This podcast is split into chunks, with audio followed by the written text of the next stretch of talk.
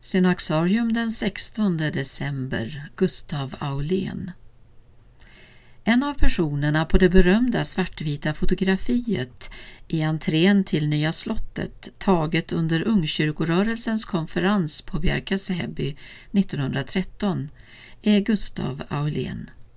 Han var då 34 år och hörde därmed till de äldre i gruppen av unga kristna ledare som samlats på Bjärka Säby. Han var också en av dem på fotografiet som kom att leva längst. Aulén dog den 16 december 1977 i en ålder av 98 år. Gustav Aulén kom att bli en av 1900-talets mest inflytelserika kyrkoledare och teologer i Svenska kyrkan.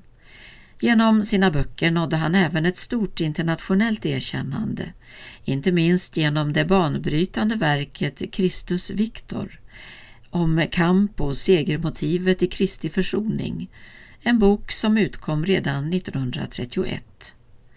En annan av hans böcker som spreds i stora upplagor både i Sverige och utomlands var hans inträngande analys av Dag Hammarskjölds vägmärken som Aulén skrev när han fyllt 90 år. Gustav Aulén föddes i ett prästhem i Ljungby församling 1879. Som ung kom han till Uppsala för universitetsstudier och blev så småningom professor vid den teologiska fakulteten i Lund där han tillsammans med bland andra Anders Nygren kom att bilda skola. Då hade han gift sig med Kristine Björnstad från Norge. Tillsammans fick de fyra barn, varav den första sonen dog redan vid tre års ålder. År 1933 utnämndes Gustav Aulén till biskop i Strängnäs stift, en tjänst som han innehade tills han var 72 år. Aulén blev en biskop på barrikaderna inte minst under andra världskriget då han tog klar ställning mot nazismen och trädde upp kraftfullt för Norges sak.